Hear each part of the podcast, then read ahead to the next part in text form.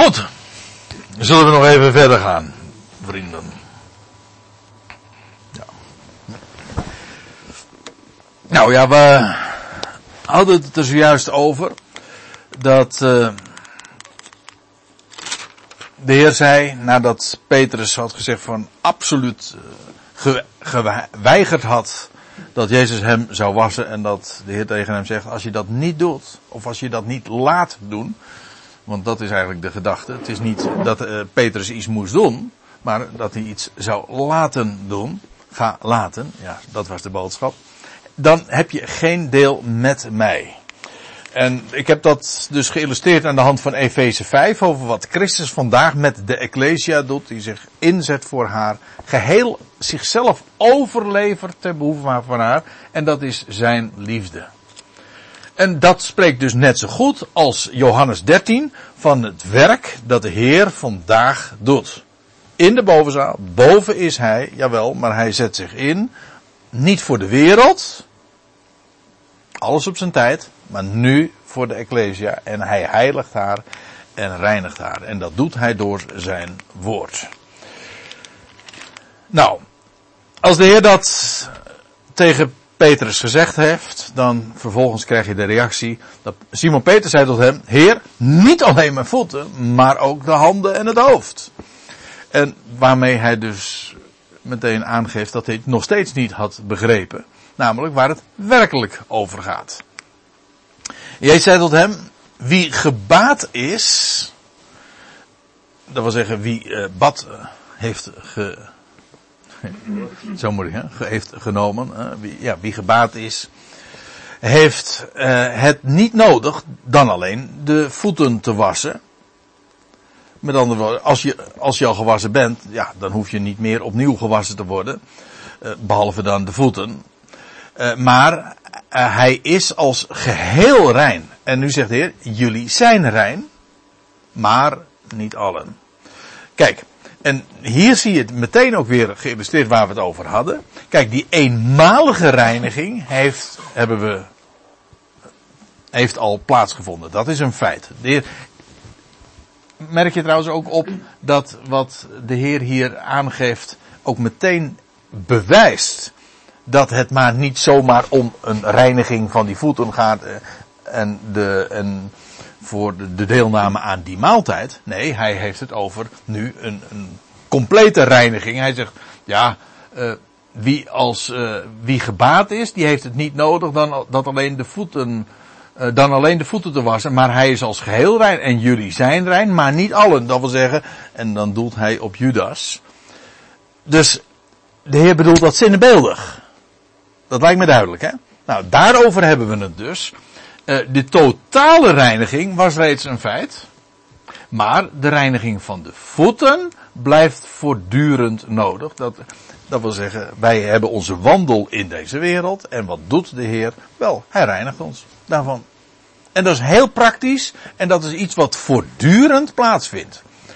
We zijn als geheel rein. Maar door onze wandel in de wereld worden we voortdurend verontreinigd. En de Heer is het degene die door zijn woord ons reinigt, heiligt, apart zet, doet stralen, glorieus maakt.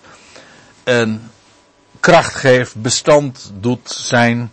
Ja, want dat ook nog is het geval. Hij, hij geeft ons weerstand. Dat woord is gewoon alles wat een mens, wij als gelovigen ook nodig hebben. En ook om dat deel met hem in de bovenzaal, als je begrijpt wat ik bedoel, met hem te genieten. Alles wat hij heeft ontvangen en wat hij te delen heeft met ons, ja, uh, om daar klaar voor te zijn, om daar uh, die, om de vrede en om dat genot, dat, die maaltijd, die gemeenschap met hem te beleven, ja, dan is het nodig dat hij voortdurend zich uh, jou attendeert en ons attendeert op wie hij is. En dus dan, wat hij doet is, hij confronteert ons met zichzelf. Dat doe ik. Dat ben ik. Dat ga ik doen. En zonder enige vraag van wat doe jij? Hij vraagt, wat hij doet is, uh, laat dat gewoon mij doen. En die totale reiniging, wat Petrus hier dus voorstelt, nou reinig me dan helemaal, dat is helemaal niet nodig. Dat is, dat is eenmalig. Je bent rein. Denk er alleen om. Uh, je voeten, die zouden gereinigd worden. En dat doe ik. Dat is mijn werk. En dat is dus eigenlijk, als je de vraag stelt, ja, wat doet de Heer vandaag? Nou, hij zet zich in. Hij eh, behartigt onze belangen. Hij is onze voorspraak. Dat betekent niet onze advocaat hoor. Maar hij behartigt onze belangen voor ons. Hij zet zich in. Hij geeft zijn woord. En hij heeft ons lief. Dat is wat hij doet uh, aan ons. Dat is dus Christusdienst aan ons vandaag. Jullie zijn rein, zegt hij. Maar niet allen. Dat wil zeggen in zijn totaliteit als geheel. Uh, zijn jullie niet allemaal rein. Judas hoort daar niet bij namelijk. En kijk, we hebben het nu dus helemaal niet over de vraag over het uiteindelijke lot van Judas. Want, nou ja, zoals we zojuist in de, in de pauze al overwogen. God heeft een plan met heel de wereld. En dus ook met Judas. Het hele idee van dat het met Judas nooit meer goed zou komen. Wat natuurlijk onvoorstelbaar is. Notabene, Judas is degene geweest. Door wie de Heer aan het kruis kwam. Maar dat kruis, dat was voor heel de schepping. Dus inclusief Judas. Het is toch uh, bizar om te denken dat uh, dat, dat uh, voor iedereen was, behalve voor Judas. Was trouwens, misschien nog even in dat verband, één tekst die dat nog eens wordt aangehaald. dat staat trouwens niet in het Johannes-evangelie, maar wel in Matthäus, Marcus en Lucas. Dat de Heer zegt van, de zoon van de mens, de Ben Adam, moet overgeleverd worden, maar weet de mens door wie hij wordt overgeleverd. Ik haalde het voor de pauze ook al even aan. En dan staat erbij, het ware hem beter als hij niet geboren was. En dan haalt men dat heel vaak aan en zegt van, nou weet je, Judas had beter niet geboren kunnen worden. Eigenlijk was uh, Judas geboorte een noodlot. En dat uh, zou dan een rechtvaardiging zijn, of in ieder geval dat zou dan betekenen dat, uh, dat met Judas nooit meer goed komt. Maar dat is helemaal niet de gedachte. Als, dus, als de Jezus zegt, uh, maar weet de mens door wie hij wordt overgeleverd, het waren hem beter als hij niet geboren was. Dan gaat het over Judas zelf. Voor Judas dacht, dat is precies ook de reden waarom hij zichzelf van kant maakte dat het beter was dat hij nooit geboren was geweest. want op een gegeven moment komt hij tot inzicht van, ja, dan merkt hij wel, hij had, gepro hij had Jezus overgeleverd juist om hem te provoceren, om zich te, ont, uh, om zich te, te tonen en zich te demonstreren. Toen hij merkte dat dat niet uh, leidde tot wat hij had beoogd, toen was die complete wanhoop nabij. Eh, eh, nou, nabij. Hij was compleet wanhopig. En ja, iemand die een eind aan zijn leven maakt, die is echt wanhopig. Die denkt dat het beter is dat hij nooit geboren had geweest. Dat is de gedachte van zo iemand. Het waren hem beter als hij nooit geboren was geweest. Niet het was voor de Heer Jezus beter uh, als, hij, als hij nooit geboren was. Nee, het was voor hem, namelijk Judas, beter geweest als hij nooit geboren was. Dat wil zeggen, Judas zelf dacht, was ik maar nooit geboren. Dat is een heel andere gedachte, hè. Dus het, uh,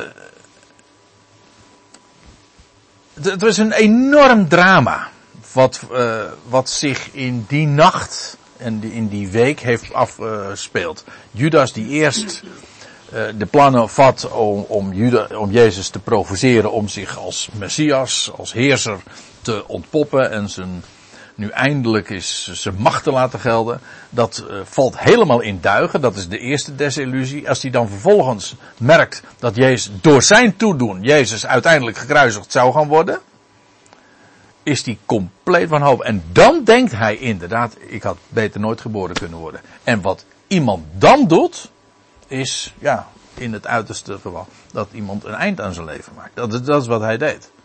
Maar dat was zijn duisternis. En dan denk ik eraan, wat zal er gebeuren als ooit Judas op zal staan? Bij de grote witte troon. En, en dan, dan komt hij trouwens oog in oog te staan. Met hem. Met zijn redder. Hè? Zijn rechter, ja, maar ook zijn redder. Als dat licht dan door zal breken. Is volgens mij de grote witte troon. Ik eigenlijk dat hij eh wellicht op het eh, komende tijdperk erbij zou zijn. Judas? Dat, eh ja, ik, ik heb die gedachte wel eens eh, vaker gehoord. Dat eh, Judas ook gewoon bij een, op een van de twaalf eh, tronen zal zitten. In. Maar die plaats is komen te vervallen bij hem en is weer ingenomen door Matthias. Hè? Want die twaalf Judas plaats werd, kwam te vervallen en die is toen vervolgens, de vacature zeg maar die toen ontstond, is door een ander ingenomen. Ik geloof niet dat dat voor Judas is weggelegd. Dat is tekst kijkt ook niet, denk ik. Sorry? Jullie zijn rein, maar niet allen. Ja. Ja, en er staat er trouwens nog bij.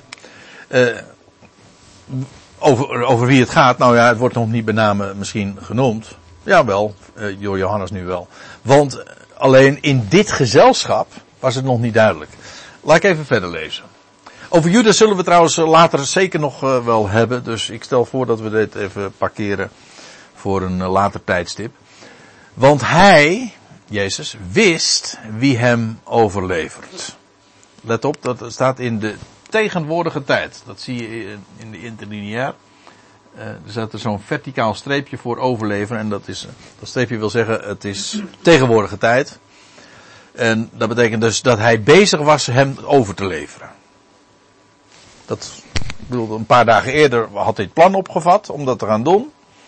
Is naar en, en nu, ja, deze nacht zou hij daadwerkelijk, hè, ik bedoel, als ze dan eenmaal die zaal, de bovenzaal zouden hebben verlaten, zouden ze vervolgens via het Kidrondal weer naar de Olijfberg gaan, naar, naar Gethsemane, en daar zou hij Jezus inderdaad dan aanwijzen, eh, en, eh, met dat eh, enorme, met die legerscharen ook van Romeinen, et cetera. Want hij wist wie hem bezig was over te leveren. Zo zou je het eigenlijk in het Nederlands dan moeten zeggen. En daarom zei hij, daarom zei Jezus, jullie zijn niet allen rein. Overigens, eh, nog iets, eh, ik heb hier overleveren, maar in de MBG-vertaling, en ik meen ook de Statenvertaling, weet ik even niet zeker, staat hier, als dit woord gebruikt wordt voor Judas, en dat wordt heel wat keren in de evangelie gebezigd, dan wordt het meestal vertaald verraden. Dat is niet het woord wat er staat. Jezus, Judas heeft Jezus overgeleverd. Dat daar ook verraad achter zit, dat is misschien wel waar, maar dat is niet het woord wat gebezigd wordt. Kijk, wat Judas natuurlijk gedaan heeft, is dat hij uit school geklapt heeft. Niet eens zozeer verraden, ik, terwijl ik het zeg, uh, aarzel ik even. Maar in ieder geval, ja, Jezus had gezegd uh, van als uh, in besloten kring was uitgesproken van Jezus, wie zeggen de mensen dat ik ben? En dan op een gegeven ogenblik is het Petrus die zegt van, u bent de Christus, de zoon van de levende God. En, dan bevestigt Jezus dat. En dan zegt hij van, maar mondje dicht. Hij verbood hen ten strengste dat te zeggen. Maar later, als in diezelfde, in de nacht waar we het nu over hebben, of in de ochtend inmiddels. Uh, dat Jezus dan voor het Sanhedrin staat. En dat die Caiaphas, die hoge priester, dan verklaart. Ik verklaar. En dan onder Ede, zegt hij dan tegen Jezus. Ik zeg je. Ben jij degene. Uh, ben jij de Christus, de zoon van de leven, de Christus, de zoon van de levende God? Dat, toen moest Jezus ook antwoorden. Want het was een, een, een vraagstelling onder Ede dan is de vraag, hoe wist Caiaphas dat? Want het werd, was ten strengste verboden door Jezus om dat op dat moment al uh, te vertellen. En dan is het antwoord, dat heeft Judas tegen het Sanhedrin gezegd. Of tegen de overpriesters. En door hem daartoe te forceren. Nou, nu moest Jezus zeggen van ja, dat ben ik. En Judas had gedacht dat Jezus zich bij die gelegenheid zo zou, als de Messias zou uh, openbaren. Dat is het woord, ja. Manifesteren. Maar goed, dus het idee van verraad uh, zit er wel in, of uit de school klappen misschien is nog beter. Maar dat is niet het woord wat hier gebezigd wordt. Het gaat over, hij leverde hem over. Dat wil zeggen, hij zou het, uh, voor een, zelfs voor een geldbedrag, is hij uh, dus overgeleverd aan het Sanhedrin. Oké. Vers 12. Toen hij dan hun voeten had gewassen. Inmiddels is dat achter de rug. En dan staat er en de klederen nam. Die hij eerst had afgelegd. En weer achterover leunde. In de MBG-vertaling staat dan en plaatsgenomen had. Ja, zo zeg, je dat in, zo zeg je dat in het Nederlands. Want dan ga je weer op je plaats zitten. Maar dat is niet het idee. Uh, staat hier gewoon letterlijk in het Grieks een woord dat betekent achteroverleunen. Maar dat is wat er gebeurde. Men, men lag aan tafel. En toen, zeide, en toen zei hij tegen hen, weten jullie wat ik met jullie gedaan heb? Tegen Petrus had hij zojuist al gezegd van, je begrijpt het niet. Maar na deze zul je het begrijpen. En nu vraagt hij het aan het hele gezelschap. Weet jullie wat, wat, wat ik met jullie gedaan heb? En hij zegt, jullie roepen mij luid de leraar en de heer. En terecht zeggen jullie dat, want ik ben het. Dus hè, men, men geneerde zich niet, zeker niet in die kring, om hem inderdaad de leraar en de heer te noemen. Ik moet er trouwens bij zeggen, er staat in de NBG-vertaling, en ik denk van de Statenvertaling ook, jullie uh, noemen mij, of gij noemt mij. Maar hier staat in het Grieks toch echt een woord dat luid roepen betekent. Niet alleen maar noemen, maar luid roepen. Het is hetzelfde woord wat in een paar versen later, in vers 38, ook weer gebruikt wordt door, uh, door Johannes. Maar dan gaat het over het kraaien van de haan. Dat is hetzelfde woord. Luid roepen. Dus het is eigenlijk een, een ja, luid en duidelijk iets uh, geluid laten horen. Een mens uh, roept dan, een haan die kraait.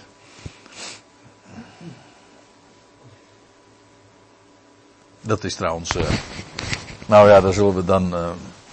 als we in vers 38 zijn, nog wel even over hebben. Want wat die haan dan natuurlijk kraait, dat is. Wat kraait een haan in de ochtend? Ja, opstanding. Dat is ook precies het uh, symbool. Opstaan. Hij roept, hij, de, de nacht is voorbij en hij roept om op te staan. En dat is ook de haan die daarom het symbool is op uh, de kerktoren. En hij roept op om uh, op te staan. In feite een aankondiging van een nieuwe dag. Het licht, uh, het wordt licht, de dag breekt aan. En uh, sta op, ontwaakt gij die slaapt en sta op uit de dood. Dat is eigenlijk wat de haan roept. Nou goed, jullie roepen mij luid en de leraar en de Heer. En Jezus bevestigt dat. Hij zegt terecht zeggen jullie dat, want ik ben dat. Trouwens, de leraar, en de Heer. En feitelijk is dat, maar dat heb ik nou vanavond al op, in allerlei toonaarden en via verschillende aanvliegroutes al uh, gezegd. Dat is feitelijk pas de waarheid na zijn opstanding. Toen is hij door God gemaakt tot Heer en Christus. Hè? Hij werd vernederd, hij heeft zich vernederd tot de dood, ja tot de dood van het kruis. En daarna heeft God hem de naam gegeven boven alle naam, opdat in de naam van Jezus alle knie zou buigen en alle tong zou beleiden, Jezus is Heer. Curios, ja.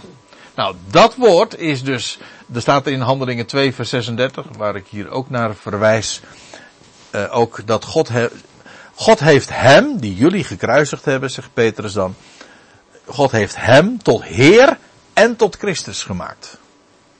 Dus dat gaat juist, over, juist en ultiem en definitief is dat de waarheid in zijn opstanding geworden. Nou, zegt de Heer, indien dan ik, de Heer, de leraar, van jullie de voeten was, eh, van jullie de voeten was. Kijk, weer zijn positie vandaag. Hij is de Heer, hij is de onderwijzer en dat is zijn dienst vandaag. Zijn jullie ook verschuldigd van elkaar de voeten te wassen? Dat is uh, vervolgens uh, het commentaar. Ik doe dat. Hij zegt, uh, jullie zijn dat ook verschuldigd van elkaar de voeten te wassen. Dat kan trouwens heel letterlijk. Er zijn trouwens, ik heb begrepen in de Oosterse kerk dat dat een, een gewoonte is dat men bij allerlei, of nou bij een specifieke gelegenheid ook doet, dat men elkaar de voeten wast. En men baseert dat dan op uh, deze instructie. Jullie zijn verschuldigd elkaar de voeten wassen. Maar dat kan letterlijk het geval zijn. Paulus haalt het in 1 Timotheus 5 vers 10 ook aan. Dan heeft hij het over de wat oudere weduwen. Dan zegt hij dat ze gastvrij zijn en de voeten van de heilige wassen. En dat was in die dagen en in die omstandigheden ook soms dan letterlijk het geval. Je zet je huis open en dat je dan ook bereid bent de voeten van degene die bij jou op bezoek komen om hen, uh, om die te wassen. Dat kan dus letterlijk, maar dat is natuurlijk niet uh, in de eerste plaats uh, de gedachte. Trouwens, nog eentje. Wij hebben in het Nederlands de uitdrukking iemand de oren wassen. En dat heeft een heel, eigenlijk de, precies de tegenovergestelde betekenis. De, voet, de voeten wassen is een daad van nederigheid, maar de, de oren van een ander wassen, dat is juist een, dat is wat je doet wanneer je een ander overroelt, overheerst. Dat is precies het tegenovergestelde. Als ik je, als ik je, jou of jij mij de oren wast, dan, uh, dan stel je je op uh, als Heer. Dat wil zeggen, jij moet doen wat ik zeg. En, uh, de voeten wassen wil je, is juist een, een daad van nederigheid. Dus niet heersen. Elkaar de voeten wassen, dat betekent niet heersen, maar elkaar van dienst zijn. En, en als je het mij vraagt, nee, als je het de Heer vraagt, uh, de beste en de mooiste dienst die je elkaar kan bewijzen, dat is de ander wijzen op zijn belovend en reinigend woord. Niet wat de ander moet doen, want heel veel preken, prediking, zo niet uh, bijna, of nou nee, laat ik het voorzichtig zijn. Heel veel prediking is vooral uh, in feite de oren, uh, pardon, ja, de oren wassen. Er wordt je verteld wat jij moet doen. De, de voeten wassen is is niet wat je opstellen als, als heer, of niet heersend, wat de ander moet doen, maar je wijst op wat hij doet. En dan stel je op ten dienste. Niet wat de ander moet doen, maar je geeft. Dus niet, het eist niet, maar het, je offreert, je, je je bent met recht de ander dan van dienst. Dat is dienend. En de grootste dienst die je een ander kan bewijzen, is te wijzen op wie God is. En wat Hij doet en wat Hij belooft. Dus dat is precies tegenovergestelde als de ander de oren te wassen. Want, zegt de Heer, in, ik heb jullie een voorbeeld gegeven, opdat zoals, zoals ik doe met jullie, ook jullie zouden doen. Let op, niet zozeer wat hij doet met jullie, maar zoals ik doe met jullie. Dus eh, wat hij doet aan ons, dat, kan ik, dat kunnen wij aan elkaar niet doen natuurlijk. Dat is zijn unieke werk. Namelijk zijn woord geeft hij. Maar wat we wel kunnen doen is zoals hij deed en doet met ons, dat wij ook elkaar namelijk eh, opofferend in liefde, de ander van dienst te zijn. In diezelfde geest. Dus voel je aan wat ik ermee bedoel? Dat zoals, dat duidt aan op dezelfde, in dezelfde houding, in dezelfde gesteldheid, in dezelfde attitude, zoals dat heet. In opofferende liefde, zoals eh, vers 1 daar al over sprak. Diezelfde liefde die hij bewees. Want dat zegt hij ook in vers 16. En hij leidt dat heel plechtig in en ook heel erg sterk. Amen, amen. Of voorwaar, voorwaar. Ik zeg jullie, een slaaf is niet groter dan zijn heer. Nog een afgevaardigde groter dan die hem zendt. Dat lijkt me nogal duidelijk. Wel, hij is de heer. Wel, als hij zich al zo inzette en zich als, als een slaaf heeft vernederd en zich inzet en zijn liefde bewijst, uh, hoezeer dan wij als slaven. Ik bedoel, hij, hij is de Heer en wij behoren hem toe. Wel, hij zegt, een slaaf is niet groter dan zijn Heer, nog een afgevaardigde groter dan die hem zendt. Indien jullie deze dingen weten, gelukkig zijn jullie indien jullie ze ook zouden doen. Het is één ding natuurlijk om het te weten. Als je er verder helemaal geen. Uh, als, je, als je dat verder uh, voor kennisgeving aanneemt en daar geen uh, les uit trekt, ja, dan heb je er dus helemaal niks aan. Dat geldt trouwens voor heel veel rijkdom die je hebt. Als je het niet aanspreekt, ja, dan heb je er dus in de praktijk niks aan. Als je gelukkig wil zijn, wel, laat deze dingen dan ook inderdaad zo doen. Laat je leiden in, door die liefde. En door zijn woord. En de tekst gaat uh, natuurlijk nog verder. Maar ik stel voor dat we het uh, hier even bij laten. En dat we de volgende keer dan in vers 18 verder gaan. De gesprekken gaan nog uh, uitgebreid verder in in de, in de bovenzaal. Maar nu, eh, bij vers 17 is eigenlijk die episode van de voetwassing en de betekenis daarvan is hier afgesloten. Dus ik stel voor dat we dan de volgende keer daar uh, de draad weer oppakken. Dus dat wat betreft die, uh, die voetwassing. En ik hoop, uh, in elk geval misschien nog, dat ik dat als laatste nog even mag zeggen. Ik hoop dat ik daar in ieder geval mee duidelijk gemaakt heb. Is dat wat hier beschreven wordt als historie, in de nacht dat Jezus werd overgeleverd, wat hij gedaan heeft, dat dat een schitterend plaatje is van wat hij vandaag doet aan ons en de geweldige kracht, reinigende kracht van zijn woord in ons uh, leven. Nou, dat lijkt me een geweldige les. En als er iets is wat uh, ons uh, opbeurt en reinigt en schoonmaakt, dan is het dat wel. Zullen we daarbij laten? Voor vanavond. Ik stel voor dat we nog zullen afsluiten met dankgebed. Trouw God en Vader, we danken u dat we zo onze ogen mogen oprichten naar boven.